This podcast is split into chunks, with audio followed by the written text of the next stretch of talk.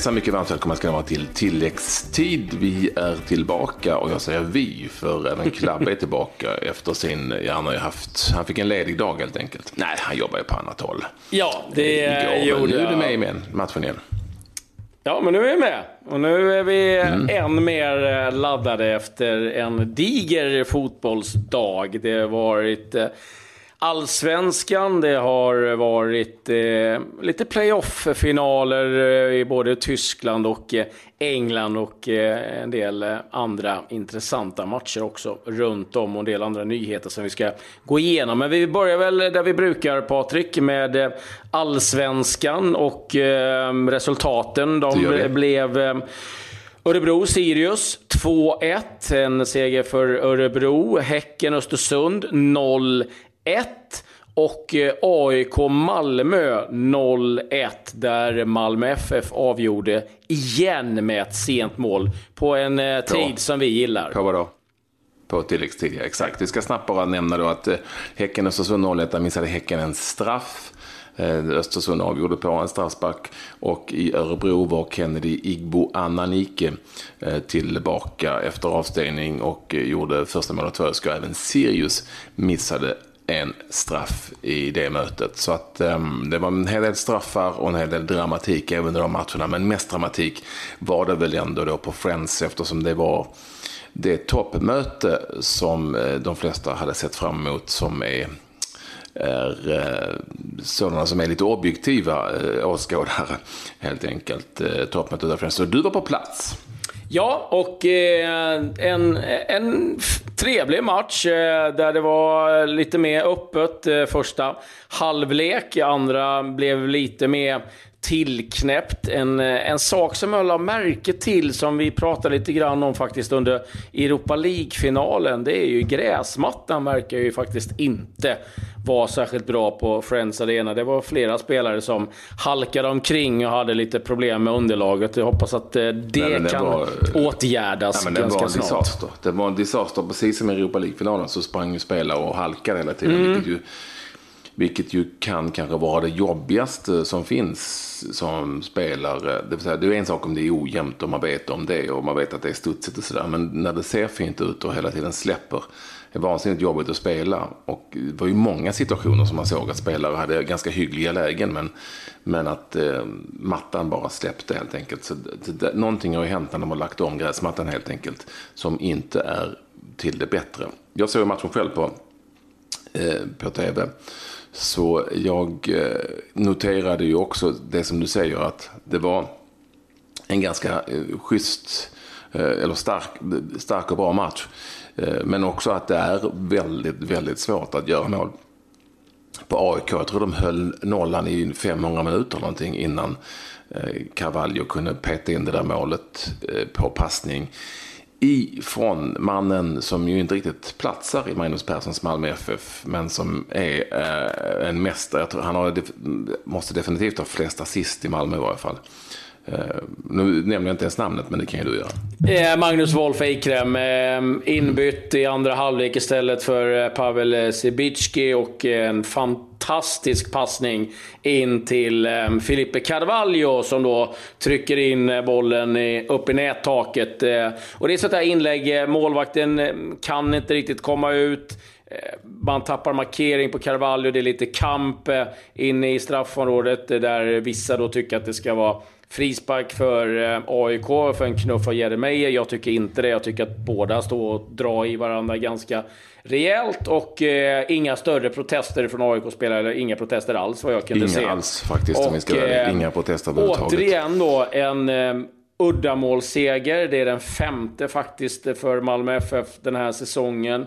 Och eh, just det här att man kan byta in då en spelare av Eikrems kaliber. Eh, inget ont om de som kom in i AIKs eh, lag här, men det är ju liksom inte den digniteten på det. Och där har vi kanske skillnader på vad, liksom, vad Malmö FF står idag och vad AIK står eh, truppmässigt.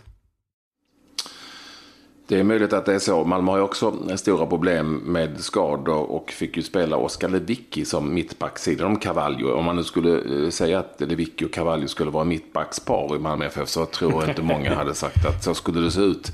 Så de har ju också haft problematik med skador. De har ju en mycket större och starkare och bredare trupp. Sen är det ju lite flyt ändå att eh, Malmö FF lyckas avgöra sina matcher på tilläggstid. Det, det, det, är många som säger att det är en styrka. Jo, det kanske det är. Men det är, det är, det är ett tecken på att, att den stora guldfavoriten ofta har levt farligt. Om det sen har varit för att de har inte haft förmågan att göra sätta sina målchanser eller inte under ordinarie tid, det är en annan sak. Men de har ju definitivt levt farligt och gjorde så. Även i den här matchen, om man nu menar att 0-0 skulle vara ett resultat som inte hade varit bra. Då hade, då hade faktiskt IFK Norrköping varit i serieledning. Ehm, så är det. Och, och du eh, är, är ju vår flygande reporter. Du var på plats på Friends och ja. Eh, fick prata med ett par spelare. Berang, ytterligare en seger och ytterligare en uddamålsseger. Vad är det som gör att ni är så starka där? Eh, jag vet inte, det känns som... Eh, alltså vi borde kanske ha fler mål. Vi skapar ju en hel del eh, chanser i första halvlek. Så det känns som vi borde ha något, något mål till. Eh. Jag vet inte, vi tycker vi spelar bra. Vi skapar ju, alltså, så länge vi skapar chanser så är det ingen, eh, ingen panik. Liksom. Sen att vi inte gör mål är en annan sak. Men, men det känns nu även mot matchen mot Norrköping. Skapar vi en hel del chanser. Vi har kontroll på matchen. Och, eh, skillnaden kanske från den matchen är väl att vi är lite mer fokuserade på, på fasta situationer. Inte, även om de har jätte jättemånga hörnor och de, eh, de är starka på hörnor. Och det visste vi sen innan. Men vi släpper inte till chanser där heller. Så, jag vet inte, vi gör, vi gör vårt jobb helt enkelt. Femte uddamålssegern, vad tyder det på tycker du? Uh, jag vet inte, det är stabila insatser. Att vi inte släpper till mål eh, bakåt kanske. Och, uh, och att vi lägger fokus på att, på att minst göra ett mål under matchen. Liksom. Jag vet inte, det känns stabilt. Du är varje dag med laget och har varit ett tag. Hur långt är det kvar, tycker du? Liksom att, vad, står ni liksom för att nå full potential? ja, alltså vi, om man ska välja i vårt spel så kanske inte det, det är väl jag vill egentligen bara sätta dit våra chanser. Om vi börjar sätta dit våra chanser som vi skapar, då tycker jag vi är där vi, där vi ska vara. Vi, eh, nu, man får inte glömma heller att om vi kollar på vår trupp, vi har jätte... Vi har en hel del, vad heter det? Vi har några som eh, spelar på ovana positioner och vi har haft avstängningar, skador och, och allting så här, men vi löser det ändå bra så man får inte glömma det heller. Eh, men som sagt, om vi, de spelare som kommer in och, och den breda truppen vi har, det är därför vi kan vara i toppen fortfarande också. Jag, bara, jag menar, om vi, som sagt, om vi sätter de chanserna vi har också tycker vi vi är bra på en bra bit på vägen. Ja, Kristoffer Olsson, vad säger du om förlusten? Hur tung är den? Nej, otroligt tungt. Det, ja, fotbollen, så, så glad man kan vara efter en match, så uh, deppig kan man vara efter match. Det är ju det tyngsta sättet att förlora på när man, när man uh, får ett, ett mål i baken i, i sista minuten. Så där. Men uh, ja, det gäller att bara vara, man kan vara lack ikväll men nu är det match på torsdag igen och då är det ja, fokus på det. Offensivt, ehm, svårt att få till. Vad är det som gör att det inte riktigt funkar tycker du? Ja, alltså, jag tycker ändå vi, det är ganska, framförallt första halvlek, så ganska öppen match. Mycket, mycket chanser. Vi har ändå en del chanser där med. Men ehm, det är klart att eh, sista 20 så kommer vi lite lågt. Vi, vi håller inte bollen, det blir mycket långt och mycket eh, bara sparka iväg. Liksom. Eh, det gäller väl där att vi håller lite mer i, bollen så vi kan få ett eget tryck. Så. Eh, men, men chanser ändå, det tycker jag ändå vi skapar eh, tillräckligt för att göra mål i alla fall. För egen del, hur känner du att du börjar komma in i det? Ja, alltså jag tycker det blir, blir bättre, för, bättre för varje match. Ehm, jag tycker ändå, nu de här två senaste när jag spelat på, på en annan position så har jag blivit lite friare och lite mer eh, offensiv. Och det har passat mig bra tycker jag. Eh, sen är det klart att en, en match som idag så, så ger det ingenting och, och då är det inte, kan man inte glädjas åt, åt sin egen insats. Tack så mycket. Tack.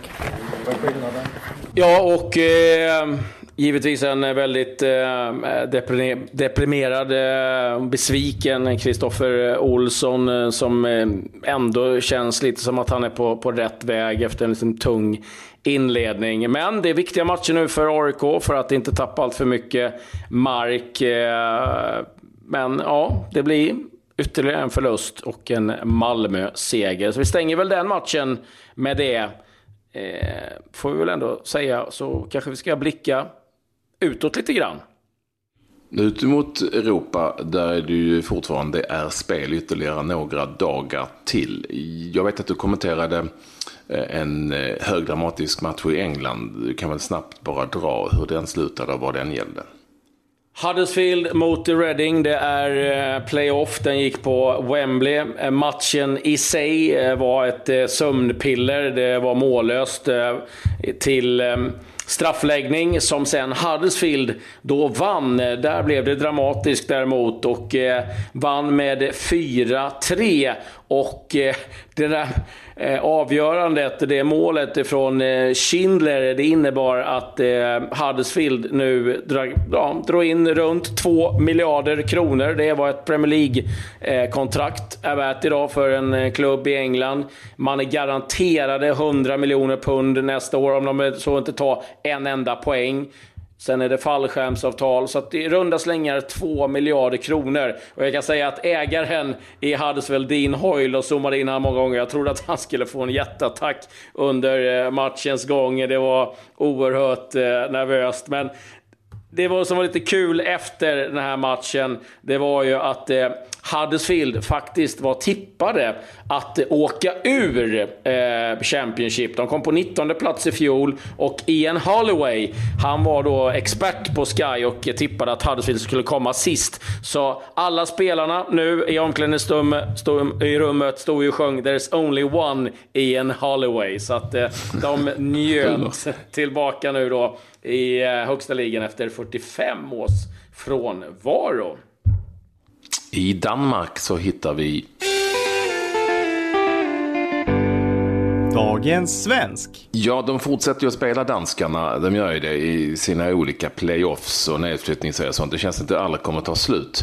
Eh, och eh, här hade vi en svensk hjälte i Ranners som ju då mötte Odense bollklubb i en kamp om Europa League-platser. Viktor Lundberg, det var högdramatiskt eh, eftersom eh, jag det var så att Randers behövde vinna den här matchen med två mål och bägge målen gjorde de i 90 minuten. Först eh, eh, Marvin Poirier och därefter alltså Viktor Lundberg som nu eh, spelar sina sista matcher för just Randers. Han har sagt att han ska lämna klubben som han har varit i ett tag, den förra AK-spelaren. Så eh, stor hjälte där, Viktor Lundberg. Och nu får då, nu tror man att det är slut där för Randers, men så är det inte. För nu ska de åka till Härning och möta FC Mittjylland i en, eh, som det står i tidningen Extrabladet, för att spela en knall och fallkamp. Alltså en knall och fall-match.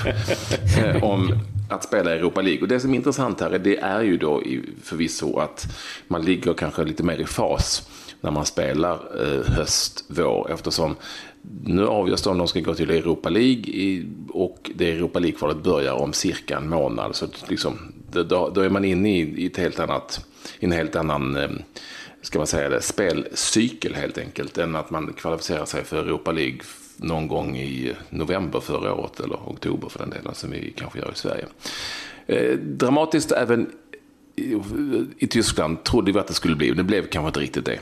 Nej, eh, Wolfsburg eh, vann eh, returen mot eh, Eintracht eh, Braunschweig med 1-0, så totalt 2-0 då. Och, eh, då blev det väl eh, succé, får vi väl ändå säga, för eh, Andrejs Jonker och Fredrik Ljungberg som fick eh, hoppa in och eh, ta över tränarjobbet i Wolfsburg. Säkrade därmed eh, kontraktet för Wolfsburg i Bundesliga. Trist givetvis för Kristoffer Nyman som startade matchen och gjorde ett Ja, en pigg match, men eh, räckte inte hela vägen. Och trist avslut blev det där också, där hemmapubliken i eh, besvikelse tog sig in på plan och eh, då kunde inte Wolfsburg riktigt fira. Men vi får väl ändå säga grattis till Fredrik Ljungberg och då mm. förmodad fortsättning som assisterande tränare i Wolfsburg nästkommande säsong.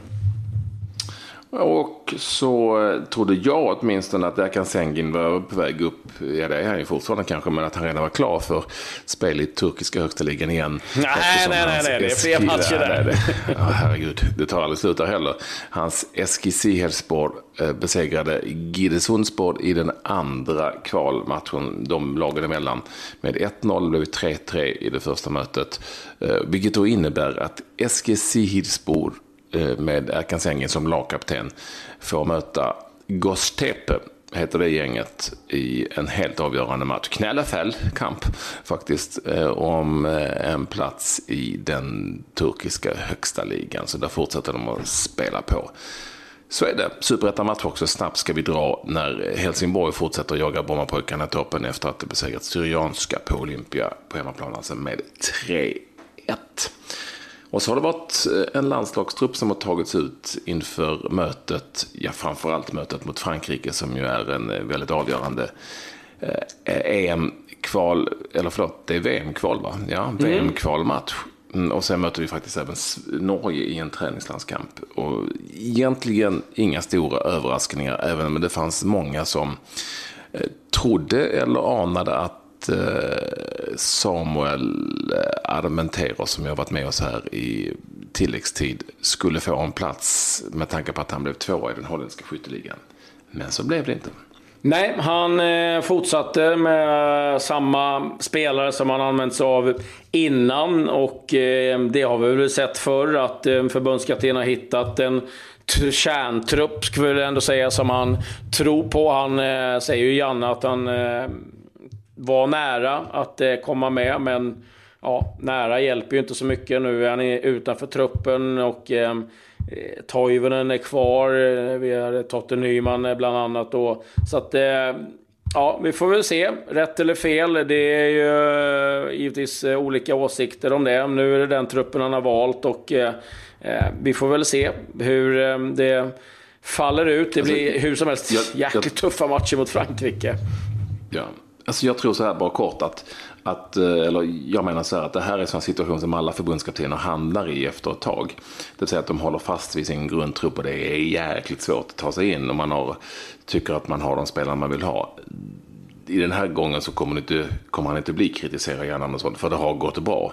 Men så fort Eh, det börjar gå lite sämre och förbundskaptenerna fortsätter med samma linje, då blir de idiotförklarade. Det är ju alltid så. Det har ju varit så ända sedan jag har bevakat fotbollslandslaget, sen liksom Åby Erikssons tid typ. Så att det här är ett mönster som känns igen. Jag tror, jag tror att hade man bara gått på form så hade ju såklart Armenteros varit med. Men nu eh, kan vi väl kanske känna att, eh, att han väljer spelartyper, likt Ola Toivonen som är ganska bra på huvudet och sådär, eh, som mera taget spelare Eh, och som har spelat mot eh, många franska spelare genom åren istället för Armentero som en chansning. Men det är ju inte så att Totte Nyman och John Guidetti har på något vis vänt upp och ner på fotbolls-Europa på senare tid. Marcus Berg säger som given. Ja, alltså det, det, det, finns ju eh, alltid olika aspekter. Hur, hur tänker han sig att vi ska spela? Ska vi spela med en forward? Ska vi spela med två forward mot, mot Frankrike? är det kanske inte riktigt rätt läge att eh, liksom, ta in någon ny mot Frankrike.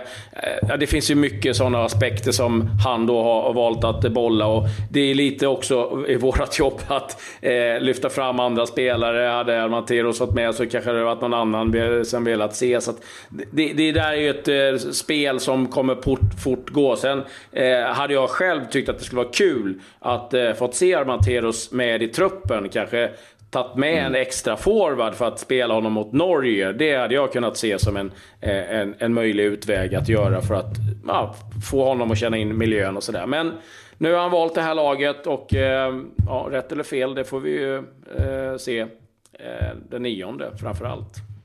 Mm, vi får göra det. Spännande ska det bli med Frankrike inför ett utsålt Friends den 9 juni.